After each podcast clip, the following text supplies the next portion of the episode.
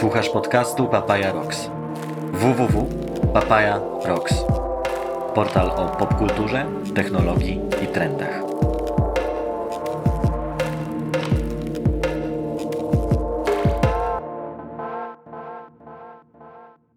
Cześć. Słuchasz podcastu Odpowiednik Papaya Rocks. Ja nazywam się Michał Kukawski. Przez najbliższych kilka tygodni, w każdy czwartek, wypuszczać będziemy kolejne odcinki. Ten jest pierwszy. O tym, gdzie jest najlepsze miasto świata. Co tydzień będę starał się odpowiedzieć na jedno pytanie. Tematy różne. Będzie o ptakach w mieście, o człowieku w kosmosie, o efektach dźwiękowych w grach komputerowych, o smakach, zapachach i technologii. Odpowiednik dostępny jest na stronie Papaya Rocks, ale też w Spotify i innych popularnych serwisach przeznaczonych do słuchania podcastów. Jeśli spodobać się to, co usłyszysz, powiedz o podcaście znajomym. To tyle tytułem wstępu. Zaczynamy. Co? Co to jest? Jak? Jak to działa? Naprawdę? Gdzie? Dokąd? Co? Po co? Jak? Dlaczego? Ale jak to? Gdzie? Kiedy? Co? Kto to potrafi? Jak? Jesteś pewny? Odpowiednik Papaya Rocks. Zaprasza Michał Kukawski. Jeszcze w ubiegłym roku w marcu nazywała się Astana. Dziś to Nur Sultan, ale to miasto nad rzeką Iszym miało tyle razy zmienianą nazwę, że nikt się tym już nie przejmuje. Było Akmolińskiem, czyli Białą Mogiłą, Celinogradem, a potem Kazachstan uzyskał niepodległość. December 1991, for the first time in the Kazakh SSR, presidential elections are held. The USSR has already collapsed. The event becomes a certain milestone. i miasto zostało Akmołą. Kiedy w drugiej połowie lat 90. przeniesiono tu stolicę Kazachstanu, trzeba było znaleźć dla niej nową, atrakcyjną nazwę. Astana, czyli po prostu stolica w języku kazachskim. Dla niewielkiego miasta pełnego bloków z czasów sowieckich oznaczało to ogromne zmiany. A że kraj ma wielkie złoża ropy i gazu, ówczesny prezydent Nursultan Nazarbajew nie liczył się z kosztami, by zimną i wietrzną Akmołę zmienić w luksusową stolicę. Do współpracy przy jej wznoszeniu zaproszono największe sławy architektury. Dostali wolną rękę w realizowaniu najodważniejszych projektów.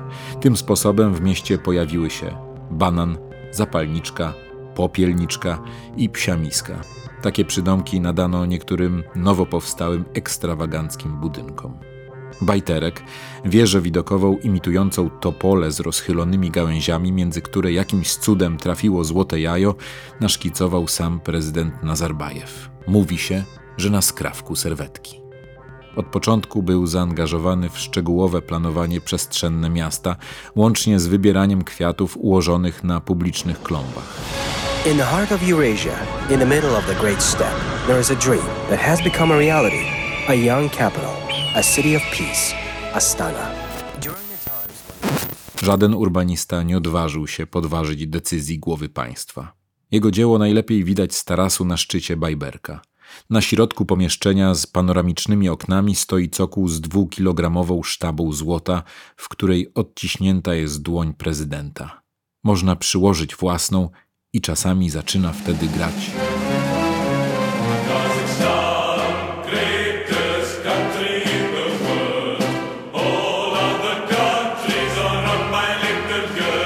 Nie, no nie ten z Borata. Zaczyna grać prawdziwy hymn narodowy Kazachstanu, którego słowa napisał tak Nursultan Nazarbajew.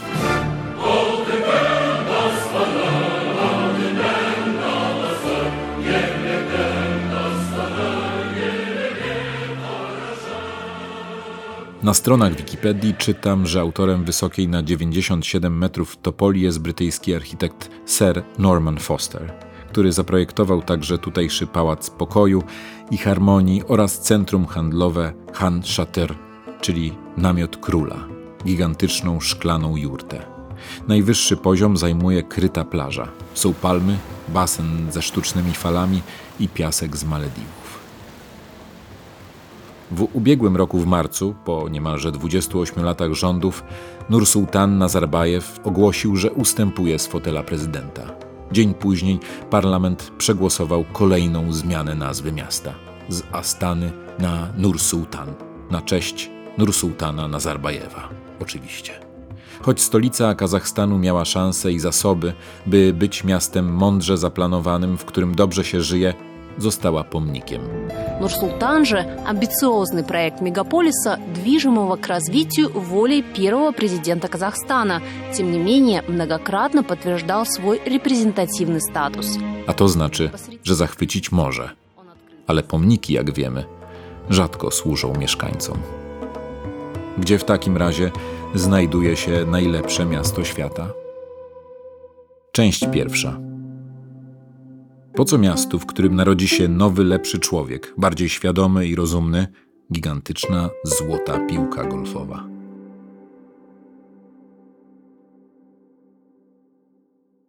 Trafiłam tam przypadkiem. Nie pamiętam, czy miałam 28 czy 29 lat. Zostałam tam przyciągnięta przez światło jak ćma, tylko że po tygodniu chciałam stamtąd uciec. To miasto mnie odrzuciło. Wytrzymałam jeszcze tydzień i potem powiedziałam, dobra, basta. To Katarzyna Boni, pisarka i reporterka. Uwaga, zaczynam nagrywać. W tym roku wyszła jej książka, której podtytuł brzmi Miasto Marzeń. Pandemia zatrzymała ją w Indonezji na dłużej niż planowała, ale nie obali jest jej reportaż. Między nami 14 tysięcy kilometrów. Google Maps twierdzi, że na spotkanie z Kasią szedłbym 117 dni. W Warszawie wczesne popołudnie, a u niej już dawno po zachodzie słońca. Mam czas, aż nie usnę. Jak usłyszysz chrapanie z tej strony, to znaczy, że czas się. W tle słychać świerszcze, cykady i żaby grasujące po polach ryżowych wokół jej domu.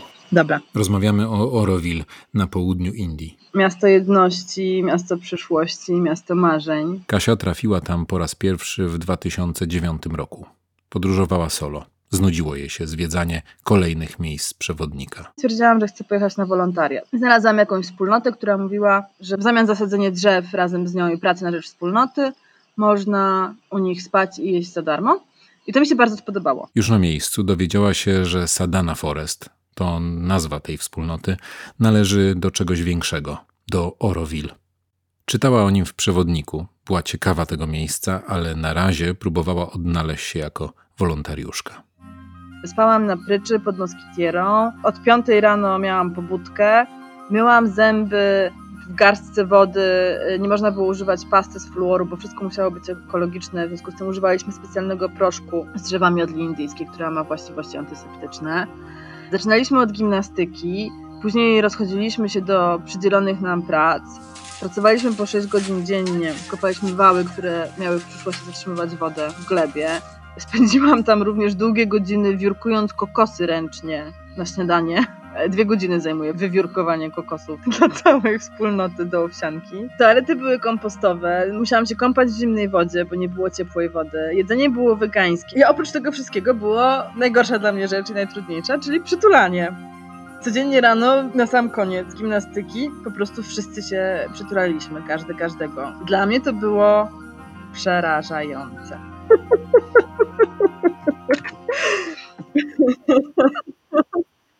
Kasia trzymanie w ramionach zarezerwowała dla najbliższych, a tu miała przytulać obcych. Uważała, że to sztuczne, wymuszone i nie ma nic wspólnego z prawdziwą serdecznością. Było jej źle. Nie rozumiała tego miejsca, sama też czuła się nierozumiana. Nie miała ochoty poznawać Oroville. Z jednej strony poczułam się zagrożona w tej wspólnocie, w której wszyscy chcieli mnie przytulać. Z drugiej strony poczułam, że samo miasto jest niespecjalnie przychylne i dostępne. Z trzeciej strony słyszałam młodych ludzi, którzy tam przyjechali i mówili tylko tutaj, tylko w tym miejscu będziemy lepszą wersją siebie, tylko w tym miejscu możemy spełnić nasze marzenia, tylko tutaj uda nam się osiągnąć to, o czym marzymy, pokój dla ludzkości. I ten taki świeży, młodzieńczy zapał, strasznie przeideologizowany, jakoś dla mnie był nie do zniesienia. Ja miałam wrażenie, że mam po prostu uczulenie na to. E, zwłaszcza w połączeniu z tymi niepasującymi do tej rzeczywistości elementami. Na pewno zrażała mnie wielka złota kula walnięta w samym środku miasta, która się nazywa Matrimandirem, czyli w dosłownym tłumaczeniu świątynią matki. I nie byłam w stanie zrozumieć, jak w miejscu, w którym miało nie być religii, na samym środku stoi złote strachadełko. Gigantyczna, wielka piłka golfowa. Tak, albo jeszcze jak też niektórzy mówią Ferrero Rocher, po prostu zapakowane w złotko. To mi się kłóciło jakby z moim pojmowaniem tego, jak powinno skromnie wyglądać dążenie do ludzkiej jedności. I ja po prostu tam nie chciałam być. I zwiałaś. I zwiałam. W Himalaje, do Ladaku. Do Oroville wróciła prawie 10 lat później. Od 50 lat na pustyni w Indiach istnieje miasto budowane przez ponad 3000 osób, które w początkach swojego istnienia zostało wsparte przez UNESCO, na którego inauguracji było obecne 124 państwa świata, w tym przedstawiciele PRL-u, którzy wrzucili ziemię z Polski do urny, w której się zmieszała ziemia ze wszystkich właśnie tych państw obecnych podczas inauguracji. I że to miasto należy do wszystkich, że każdy może tam przyjechać, każdy jest jego obywatelem, każdy może tam zamieszkać i każdy może w nim pracować na rzecz ludzkiej jedności. To aż się prosi o to, żeby tam przyjechać i powiedzieć: Sprawdzam. Co zrobiliście przez 50 lat? Wróciła, żeby napisać reportaż i tym razem została tam prawie rok.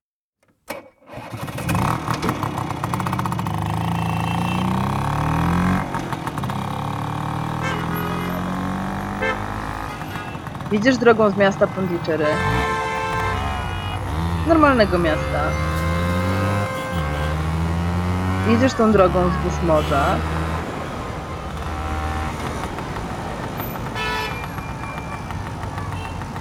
I skręcasz na zachód, kolejną drogę. Mijasz takie no, przedmieścia, przedmieścia, przedmieścia.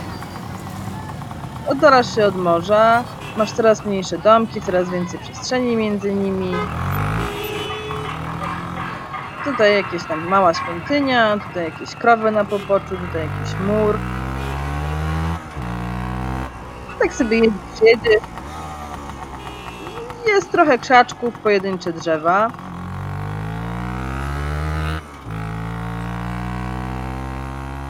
I w pewnym momencie tego wszystkiego wjeżdżasz po prostu w las. E, Natychmiast się robi chłodniej. To jest niesamowite. I ten las otacza Oroville. Oroville jest em, rozrysowane na planie koła, a w samym środku tego koła jest mniejsze koło, które jest miastem, również z parkami, tam również jest dużo zieleni. I w samym środku, środku, środku, środku tego koła stoi właśnie Matrimandir, czyli Ferrero Rocher, czyli miejsce do koncentracji którego nigdy nie polubiłam. W tym lesie jest bardzo dużo różnych krętych ścieżek, mniejszych, większych, niektóre łatwiej znaleźć, niektóre mniej i są w nim porozrzucane różne wspólnoty. Jest kilka e, ulic e, asfaltowych. To nie jest taka dżungla, jak myślimy o Amazonii, ona nie jest aż tak wilgotna. To jest suchy las z lianami, które opadają z tych drzew. Nie jest to również dżungla, dlatego że ten las został w całości zasadzony przez ludzi. At half past ten this morning, Auroville, the city of dawn, the city of universal culture, came from dream into reality. 28 lutego 1968 roku na południu Indii, w stanie Tamil Nadu, 10 km od byłej francuskiej kolonii Pondicherry, na skrawku pustyni, od samego rana zaczęli zbierać się ludzie z całego świata. Byli tam przedstawiciele rządu 124 państw, ludność z okolicznych wiosek i byli tam ludzie z ashramu Sri Aurobindo w owym Pondicherry i było tam dużo młodzieży i zebrało się według różnych danych od 5 do 20 tysięcy ludzi. Wszyscy przyjechali po to, żeby założyć miejsce, które miało być nadzieją dla ludzkości, które miało być miejscem ludzkiej jedności i które miało być tak naprawdę nowym światem. Cała ceremonia zaczęła się o godzinie 10.30. To wtedy rozległ się dźwięk gongu, a z głośników popłynął głos kobiety, która nazywała się matką i powiedziała tak. Salut d'Auroville. Salut d'Auroville à tous les hommes de bonne volonté Dla wszystkich ludzi dobrej woli. sont conviés à Auroville Do Oroville zaproszeni są wszyscy ci, którzy pragną rozwoju i aspirują do bardziej świadomego i prawdziwszego życia. plus haute et plus vraie. A następnie odczytana została karta Oroville, coś na kształt konstytucji miasta przyszłości. Cztery krótkie punkty, zaprezentowane w 17 językach. 1. Oroville belongs to nobody. Nie należy do nikogo. Orowil należy do całej ludzkości. By żyć w Orowil, trzeba być pełnym dobrej woli sługą boskiej świadomości. of the divine's consciousness. 2. Orowil będzie miejscem ciągłej nauki, nieustającego rozwoju i młodości, która nigdy się nie zestarzeje. 3. Orowil chce być mostem między przyszłością a przeszłością. Korzystając ze wszystkich odkryć świata zewnętrznego i wewnętrznego, Orowil będzie śmiało kroczyć w przyszłość. 4. Orowil będzie miejscem materialnych i duchowych poszukiwań sposobów na ucieleśnienie rzeczywistej ludzkiej jedności. To jest karta Oroville, wyznacznik tego, jak należy w tym miejscu przybywać i jak należy w nim funkcjonować. I ona, ona sprawia trudności. Bo no co to znaczy być pełnym dobrej woli sługą boskiej świadomości? Czy to oznacza, że ja tutaj wchodzę w jakąś sektę? Wszyscy mówią, o matka, matka, to matka to, matka tamto, matka to. Traktują ją po prostu jak świętą. Matka w dniu inauguracji Miasta Jedności miała 90 lat. Orowil to był jej pomysł, jej wizja. W pobliskim Pondicherry była uczennicą jogina i filozofa Sri Aurobindo. To dzięki niej tamtejszy ashram wzbogacił się i rozrósł. Miał własną piekarnię, warsztat samochodowy, Pola uprawne, bibliotekę, drukarnię, mała fabryczka perfum, pralnię, mleczarnię, kilka restauracji, kilkanaście hoteli, ogrody kwiatowe, które dostarczają kwiaty do miasta i do ashramu, basen wielka stołówka, w której są karmieni wszyscy uczniowie. i korty tenisowe. I tak dalej, i tak dalej, i tak dalej, wymieniać można by długo. I ona po prostu to zbudowała. A potem stwierdziła, że to jest za mało i zaczęła kupować ziemię pod miasto ludzkiej przyszłości. Wizję miała jasną. Wierzyła, że w ciągu dekady na pustyni wyrośnie metropolia dla 50 tysięcy ludzi. Z muzeami, kinami, teatrami, fabrykami, szpitalami, szkołami, żłobkami, klubem szybowcowym, portem, stacją kolejową, lotniskiem dla Concordów i może nawet elektrownią jądrową. I z wielkim stadionem, na którym rozegrane zostaną Igrzyska Olimpijskie. Miasto będzie miało kształt koła podzielonego na cztery sektory.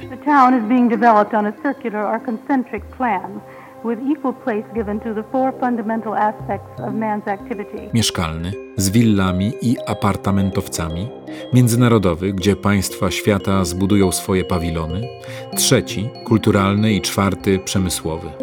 Naokoło będzie piękny, gęsty las. Ludzie będą żyli w harmonii i jedności, bo bez pieniędzy, polityki, religii, sądów i policji. People of different countries will live together in harmony. in one community, and engage in cultural, educational, scientific, and other pursuits. Miasto miało być wolne od tłoku i złych urbanistycznych rozwiązań. Dziś wiadomo, że niewiele z tej matczynej wizji się ziściło. Jedna z pierwszych mieszkanek, która dotarła do Orowil pół wieku temu, przyznaje, może celem wcale nie było miasto, ale odtworzenie lasu. I to się akurat udało. Fredryk, też jeden z grupy pionierów, ojciec pierwszego dziecka narodzonego w mieście przyszłości, już wtedy, w dniu oficjalnego otwarcia Orowil, przypuszczał, że miasto będzie ciągle ewoluowało, zmieniało się, a jego tworzenie nie będzie miało końca. Twierdził, że to najlepsze warunki, jakie można stworzyć dziecku. His games will take place on the scaffolding of the future. What better field for adventure and exploration can one offer a ten-year-old boy? A whole town as his plaything. Wierzył w nieograniczoną wolność i swobodę jako warunek rozwoju, nie tylko duchowego. In the gardens and parks no signs don't step on the grass, but maybe there will be tools for him to help the garden grow. Objects of art will invite him to work on them. Imagine a museum where the visitor is asked, please touch.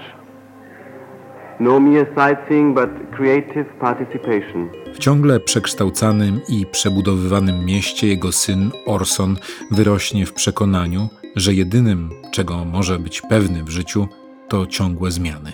I w związku z tym żadne zdarzenie go nie rozczaruje. A planetary city, which will never be completed, will offer him all the excitement of the unfinished. It will be always changing, and change itself will be familiar to him. Everything that moves in Oroville could be seen as the dance of a city, and as Orison moves by lifts, escalators, electric cars, a boy will be dancing with the city of his birth. At 10, Orison will be playing in twin cities, a city of joy in his heart and a city of hope in South India. To, co miasto ci zapewnia, to to, że jeżeli pracujesz na rzecz miasta, to masz od nich utrzymanie. Nie musisz myśleć o tym, jak zarobić na, na czynsz, na mieszkanie, nie musisz myśleć o tym, jak zapłacić za wodę, za prąd i tak dalej. Ale jeżeli pomyślisz o tym, że Oroville miało nie mieć pieniędzy, miało stworzyć lepszego człowieka, który potrafi się wznieść ponad własne ego, w którym miało nie być sporów, miała być ludzka jedność, no to Oroville jest porażką. Nie udało się uciec w zupełności od pieniądza. Są spory i to jakie. Ludzie jak najbardziej mają ego, są takimi samymi ludźmi jak my i mają te same problemy. Więc jeżeli patrzysz na to z tej perspektywy, no to jakby po cholerę oni tam cały czas są. Ale dla mnie właśnie Oroville nie jest o tym, tylko Oroville jest o tym, że ma się cel i że po prostu świadomie się do niego dąży. I to jest taka otwartość z jednej strony na coś, co my nazywamy porażką, a nie wiem, czy to jest dobre słowo. Bo to zdarzenie jest po prostu nauką. Dzięki temu możemy się rozwinąć i pójść do przodu. I Oroville jest właśnie takim miejscem, gdzie te tak zwane porażki są zupełnie na porządku dziennym i jakoś mają mniejsze znaczenie, bo są po prostu sygnałem. A, okej, okay, to nie tędy, to może teraz tędy. A, nie tędy, no to tędy. To, że się nie udało osiągnąć rozpisanych przez matkę pomysłów na klub szybowcowy i na elektrownię jądrową i na olimpiadę w 1982 roku, to nie znaczy, że Oroville się nie udało. I tak naprawdę chodzi o to, że my jesteśmy tak skupieni na tym, że efekt końcowy ma być jakiś, jaki sobie wymyśliliśmy, że zamykamy się na bardzo wiele możliwości tego, jak coś się mogło potoczyć, niewielkie szanse, że potoczy się tak, jak chcieliśmy, w związku z tym cierpimy, bo się nie potoczyło tak, jak chcieliśmy, zamiast cieszyć się z tego, że naszym wysiłkiem zbudowaliśmy coś niesamowitego. To jest też taka rzecz, z której można sobie zdać sprawę w Oroville, że liczy się właśnie jakaś misja, w którą wierzysz, liczy się to, że działasz na jej rzecz, ale nie liczy się to, czy ją osiągniesz, bo być może masz osiągnąć zupełnie coś innego, a i tak to będzie ważne gdyby każdy z nas żył w ten sposób, mniej się przyjmując porażkami, a bardziej pracując nad tym, żeby świadomie i odpowiedzialnie żyć, to może w sumie by nam się udało więcej zmienić.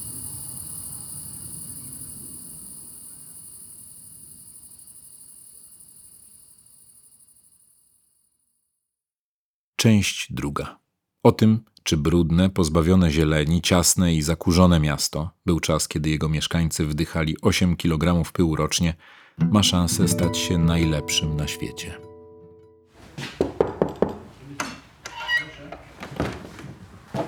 Cześć. Cześć. Cześć. Cześć. Jestem na tyłach parku ujazdowskiego w Warszawie, w drewnianym domku otwartej pracowni jazdów. Tutaj jest coworking nasz, do którego zapraszamy wszystkich chętnych, którzy chcą współtworzyć ten domek i się dorzucić do jego utrzymania. I cały rok tu pracujemy. Praktycznie włącznie z weekendami tutaj jest życie. To Mateusz. Mateusz Potępski, jestem członkiem Stowarzyszenia Akademickiego z Politechniki, z Wydziału Architektury i współgospodarzem otwartej pracowni jazdów. A, i zapomniałbym raz, raz, raz. o najważniejszym. Raz, raz, raz, Grzegorz Piątek. Cześć. Cześć. Spacer, który zaczęliśmy chwilę wcześniej na placu na rozdrożu i planujemy przejść pod dawny dom partii przy rondzie de Gola, to sprawka historyka i krytyka architektury Grzegorza Piątka i jego ostatniej książki zatytułowanej Najlepsze miasto świata. To o Warszawie, a dokładniej o odbudowie stolicy zaraz po wojnie. W sercu żołnierza polskiego, który obraz Warszawy niósł w sobie przez lata tułaczki i niewoli, który od długich miesięcy krew swą przelewał pod murami stolicy, narasta świadomość tragicznej prawdy. Warszawy nie ma. Warszawa została zamordowana. Większość domów e, była zrujnowana, co najmniej 60%. Sam obraz tej gruzowej pustyni, który się ukazywał powracającym tutaj warszawiakom pod koniec stycznia 1945 roku, mógł kompletnie obezwładnić i zdemotywować do jakiegokolwiek działania. Po prostu w pierwszym odruchu wiele osób nie miało wiary w to, że tutaj jeszcze kiedykolwiek wróci życie, że to się da odbudować. Ujazdów i drewniane domki fińskie, które tu stanęły latem 1945 roku, to było wtedy miejsce wyjątkowe. I to z kilku powodów. W domkach fińskich pachniało świeżością, nowością, lasem, co musiało być dość surrealistyczne w mieście, które śmierdzi głównie stęchlizną, trupem, kurzem, zgnilizną. Wchodziło się do takiej Ikei w zasadzie. To musiało być niesamowite wrażenie. Na przygotowanych zawczasu betonowych fundamentach nowy pięciopokojowy domek zbudować można w przeciągu dwóch godzin. Dodatkowo osiedle było z każdej strony otoczone niezniszczonymi parkami. Ujazdowskim, agrykolą i, i było tutaj idealna cisza, śpiewały ptaki. To też był wielki cud tej powojennej Warszawy, prawda? Dostać domek, dostać mieszkanie e, w osiedlu, które jest od razu zatopione w zieleni. Ta lokalizacja nie była przypadkowa. Tymczasowe osiedla składanych drewnianych domów stanęły tam, gdzie planowano rozbudowę istniejących parków lub tworzenie nowych. Miały być też dość centralnie położone, ponieważ były przeznaczone dla ludzi zatrudnionych przy odbudowie miasta, zarówno dla pracowników umysłowych, architektów, jak i dla budowniczych, dla pracowników fizycznych. Wybrano trzy miejsca: zaplecze Parku Jazdowskiego, przy Łazienkach. Największe osiedle stanęło na polu mokotowskim. To osiedle przy Parku Jazdowskim było najmniejsze i najładniejsze. Ono było też najbliżej centrum, także było bardzo wygodne. Były takie luksusy, których właśnie w zrujnowanym mieście y, tuż po wojnie trudno było uświadczyć, na przykład latarnie działające albo całe chodniki. Albo ławki. Miało też parę budynków, bo tutaj był szpital przed wojną, to były pawilony szpitala ujazdowskiego, więc kilka budynków zachowanych, w których można było umieścić jakieś dodatkowe funkcje, na przykład przedszkole czy, czy łaźnie, w prosektorium zresztą. Mniam, mniam. A w pozostałych pawilonach szpitalnych y, ulokowano pracownie architektoniczne Biura Odbudowy Stolicy. Y, nie tutaj, Czy to tamten może być? Zawsze się muszę zastanawiać, mimo że tutaj już byłem dziesiątki razy, który domek jest który. No bo one są identyczne, to są dwa typy tylko. E, Wprawdzie poprzerabiane. Zaraz. Tak, to może być ten. Żyło się ciasno. Przekraczano te limity osób tutaj dopuszczanych. To było chyba sześć osób, a zamiast tego na przykład mieszkało dziewięć. No bo ludzie używali wszelkich sposobów, żeby się po prostu tutaj zmieścić całymi rodzinami, a nawet przyległościami, żeby z tego luksusu skorzystać. Ale mimo wszystko, no, kto dostał ten przydział, ten wygrywał naprawdę los na loterii. Trafiliśmy pod otwartą pracownię jazdów. Po co wchodzimy? Cześć. Dezynfekujemy się, cześć. Super. No to co, to, yy, to zapraszam. Na wprost. Aha. Z lewej strony stolik, krzesełka tam macie. Wszystko bardzo pięknie skrzypi. Tu była jedna izba, druga izba, czyli tu była jeszcze ściana. Ale ściany mają sens, bo pod ścianami można ustawiać meble, prawda? Co to jest za drewno? To jest, jeśli dobrze pamiętam, świerk. To jeszcze raz Mateusz Potępski. Ale jest po prostu jakiejś niesamowitej jakości. Nie ma w nim żadnych robaków, żadnego grzyba. Jest naprawdę super. W Finlandii mm, specjaliści, z którymi się spotkaliśmy, mówią, że to są ostatnie zdrowe domy. Bo one nie miały żadnych plastików w sobie, żadnych nieprzepuszczalnych membran i po prostu nic nie gnije, dlatego one trwają. No, ale to jest przestronne, nie? Bardzo. No ale powiedz, dlaczego mówisz, że z Finlandii, ale przecież dostaliśmy je od Stalina. No, droga była y, tych domków do Warszawy dość kręta, to znaczy Finlandia płaciła nimi Związkowi Radzieckiemu reparacje wojenne, więc one najpierw powędrowały do Związku Radzieckiego i zaraz potem zostały y, ofiarowane Warszawie przez Stalina y, w takim pierwszym pakiecie pomocowym dla zrujnowanego miasta. Kiedy w styczniu 1945 roku ważyła się decyzja, czy Warszawę odbudowywać od razu, czy nie, czy stolicę tymczasowo być może przenieść do Łodzi. Bierut i premier Osóbka Morawski pojechali do Moskwy. Tam Stalin ostatecznie ich przekonał, chociaż przecież nie musiał przekonywać, że jednak Warszawę trzeba odbudować jak najszybciej I w ramach takiej zachęty zaoferował m.in. tych kilkaset domków dla budowniczych stolicy, czyli architektów i e, budowlanych. Można powiedzieć, że to właśnie od osiedli domków drewnianych rozpoczęła się wielka odbudowa Warszawy. Wielu, patrząc na zrównaną z ziemią metropolię, nie widziało w tym sensu. Mówiono, że jest tu 100 tysięcy min, które trzeba najpierw usunąć, żeby w ogóle można się było bezpiecznie poruszać, że nie ma całych domów ani całych siedzib dla urzędów. I rzeczywiście zdrowy rozsądek przemawiał za tym, żeby Warszawy nie odbudowywać. Wielkiego trzeba było hartu i mocy, wielkiej wiary w wyzwolone siły ludu, by powziąć decyzję. Warszawa jest i będzie stolicą Polski. Warszawa będzie odbudowana piękniejsza niż była. Powstaje Biuro Odbudowy Stolicy, które prowadzi ewidencję zniszczeń, jednocześnie tworząc plany nowej zabudowy. Nie szykowano rekonstrukcji. Architekci i urbaniści mieli jasną wizję, jak powinna wyglądać powojenna Warszawa. Bo ta przedwojenna nie była, jak zdarza się o niej do dziś mówić, Paryżem północy, ani nawet wschodu. Nie miała rozmachu europejskiej stolicy. Zachowane są tylko te najbardziej pochlebne obrazy. Zresztą trzeba sobie uświadomić, że przed wojną klisza była po prostu strasznie droga, więc nie marnowano jej na brzydkie miejsca. Nie trzaskano zdjęć bez ładu i składu, tylko najczęściej powstawały reprezentacyjne sesje ładnych miejsc. I to decyduje o tym pochlebnym obrazie przedwojennej Warszawy. E, Tymczasem rzeczywistość dla miliona 300 tysięcy mieszkańców, których Warszawa miała w momencie wybuchu wojny, była znacznie mniej kolorowa.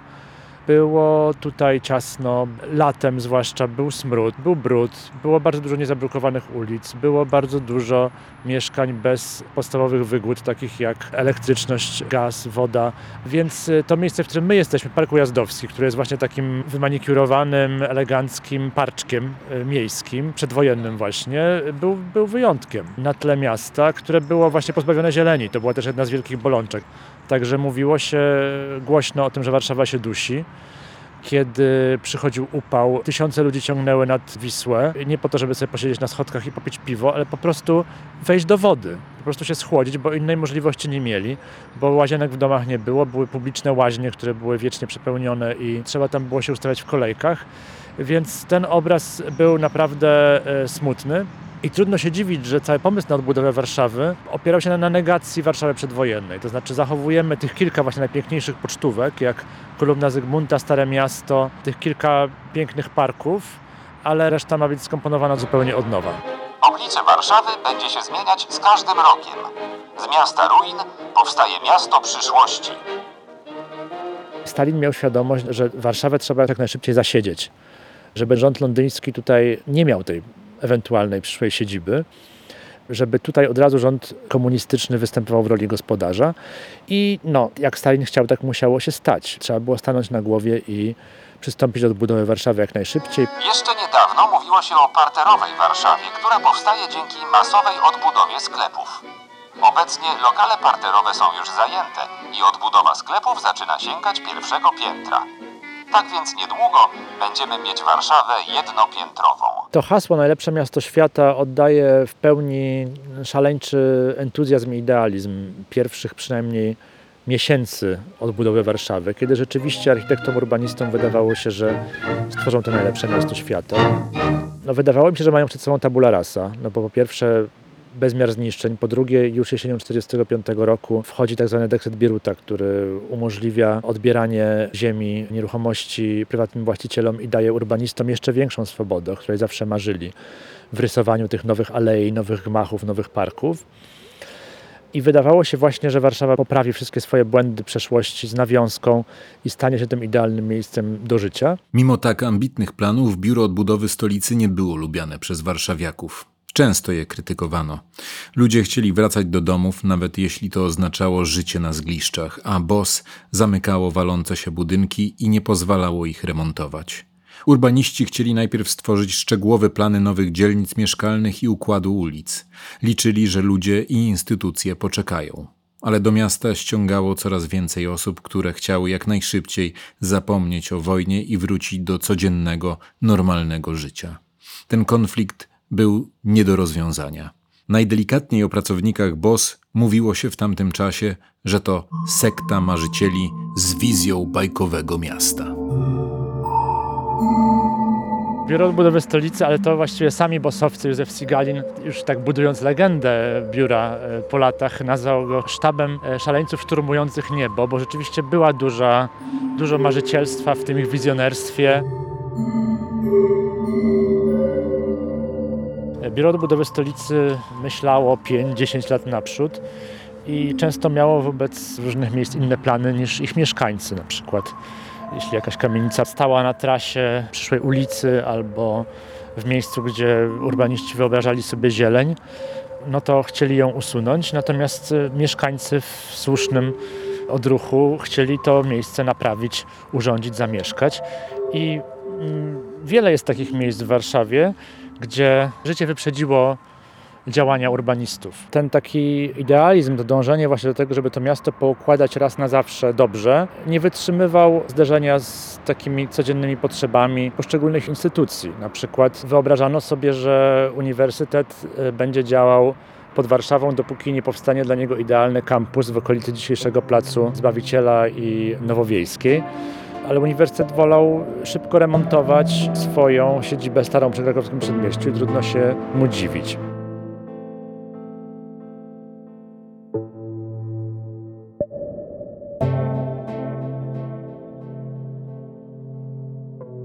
Ten kierunek miasta funkcjonalnego, miasta słońca, powietrza, zieleni, on wręcz podczas wojny w całej Europie, w Stanach Zjednoczonych się nasilał.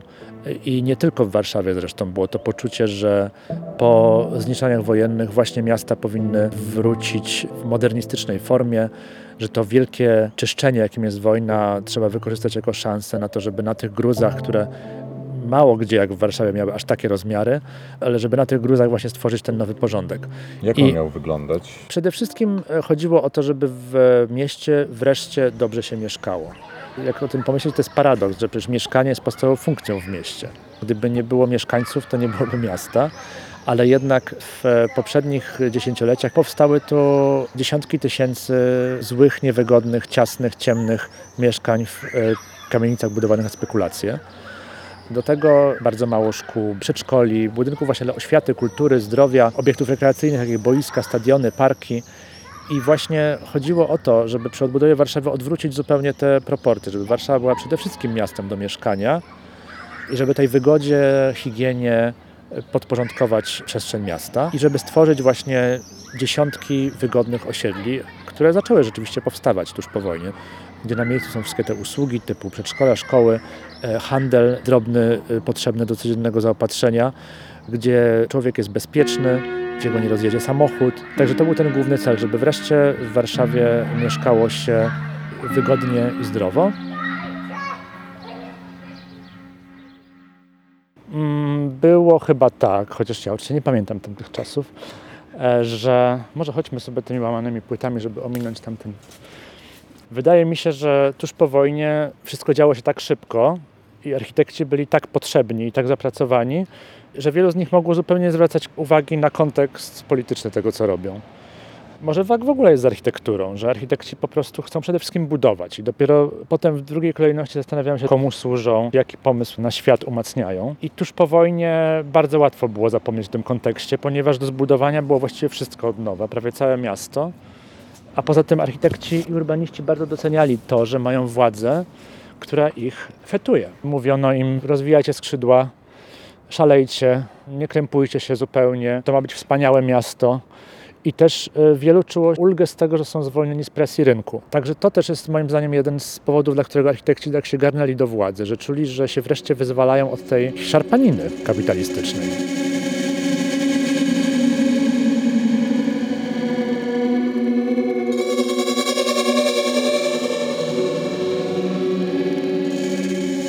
Dopiero w 1949 roku przychodzi taki moment, kiedy po pierwsze władza do końca upolitycznia projektowanie Warszawy, kiedy powoli zaczyna być likwidowane Biuro Odbudowy Stolicy, kiedy chwilę później powstaje Biuro Naczelnego Architekta Miasta, kiedy wreszcie w całej Polsce zaczyna obowiązywać plan sześcioletni, czyli ten plan rozwoju industrializacji kraju i jemu właśnie zostaje podporządkowany rozwój, rozwój Warszawy. Wtedy pada większość tych tuż powojennych planów, takich jak plan e, Nowej Marszałkowskiej, kiedy zostaje położony wielki nacisk na to, żeby produkować jak najwięcej mieszkań, a niekoniecznie rozwiązywać te wszystkie piękne place i siedziby władzy. I wtedy dopiero zaczyna się mówić o tym, że Warszawa ma być miastem robotniczym, e, miastem godnym miana stolicy socjalistycznego kraju.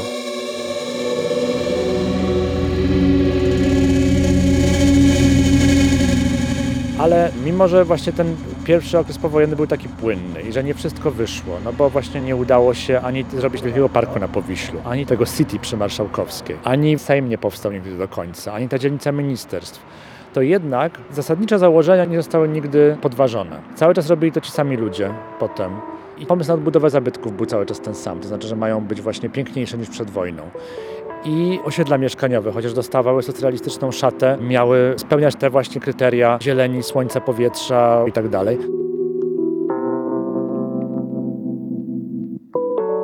No i wreszcie, że z tego gruzu powstają dosłownie nowe domy. To jest niesamowita historia i to jest takie założenie, które tam przez lata jeszcze nie zostało podważone. To znaczy, że na miejscu przetwarzano gruz z wyburzonej dzielnicy północnej, z wyburzonego getta i z tej właśnie cegły przerobionej na bloczki gruzobetonowe powstawały nowe domy, czyli przyszłość z resztek przeszłości.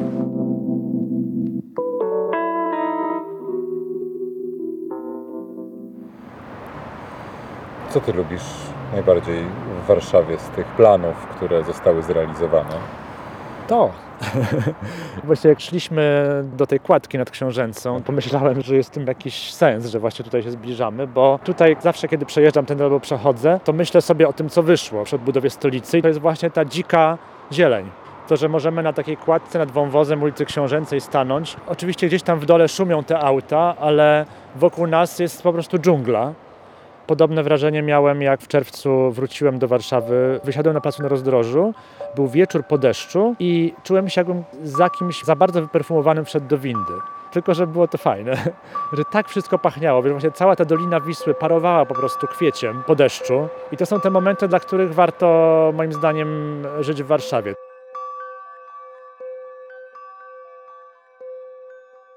Jak na miasto ponad dwumilionowe, jest to bardzo wygodne miasto do życia. To znaczy, w metropolii zawsze masz pewne niedogodności, których nie zwalczysz. Dojazdy przede wszystkim, prawda?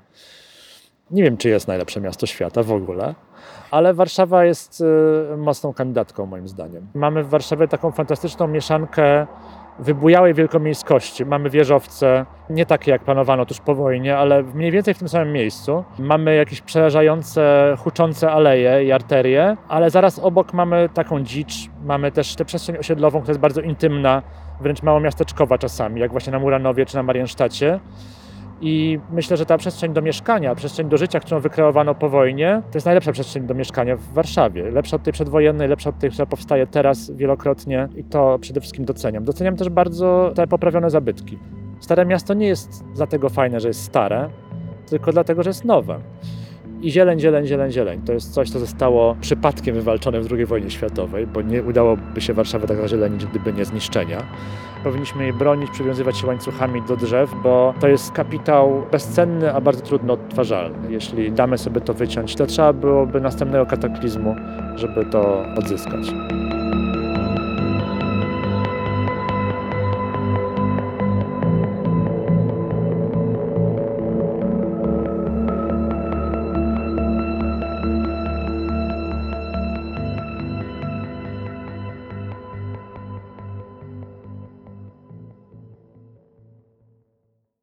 Część trzecia, w której proszę znajomych, by powiedzieli, co dla nich w mieście jest ważne i wybrali swoje ulubione. Krzysztof, Paryż. Ola, Berlin. Hey, my name is Graham. My favorite city is Lisbon.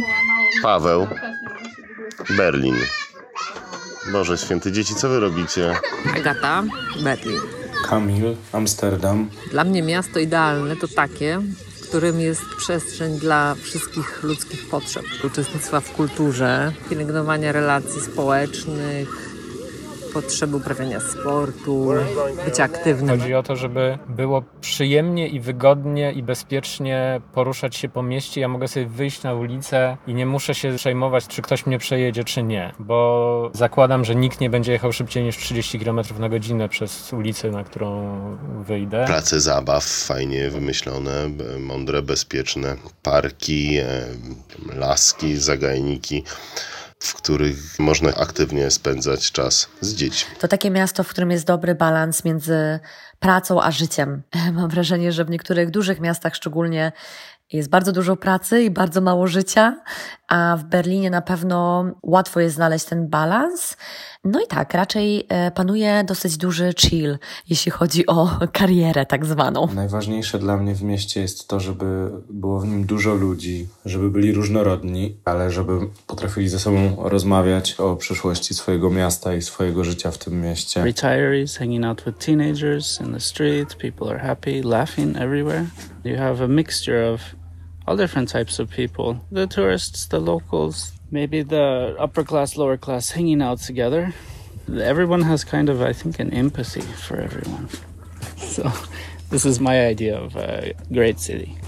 Zwycięzcą naszej sądy został Berlin, natomiast w prestiżowych zestawieniach i rankingach miast świata, w których żyje się najlepiej, na pierwszym miejscu w tamtym roku był Wiedeń. Nagrywam. O Wiedeń pytam Wojtka, który w stolicy Austrii mieszkał 8 lat i wciąż często tam jeździ.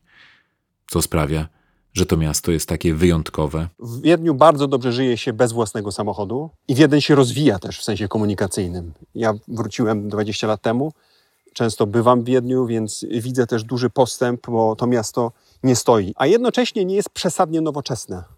Ja bym nawet powiedział, że Wiedeń jest w takim dobrym sensie miastem prowincjonalnym, w pozytywnym sensie.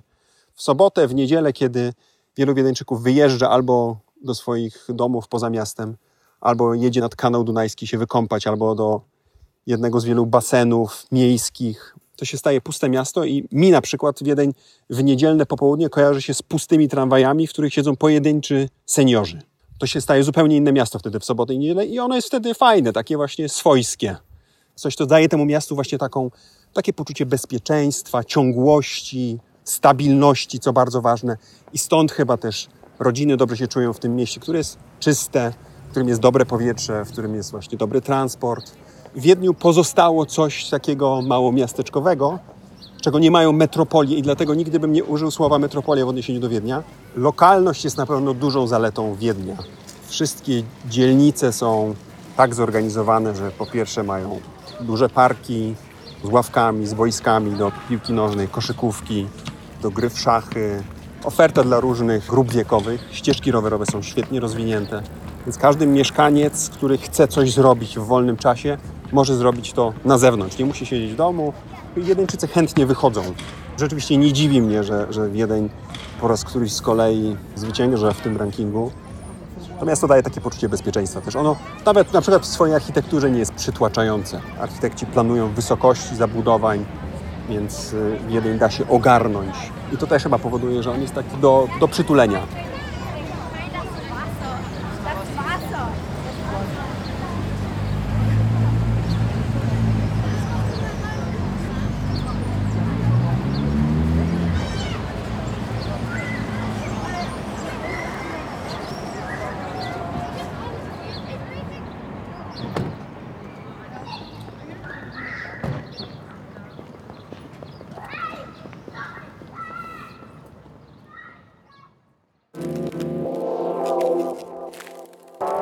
Podcast Papaya Rocks. www.papaya Rocks. Portal o popkulturze, technologii i trendach.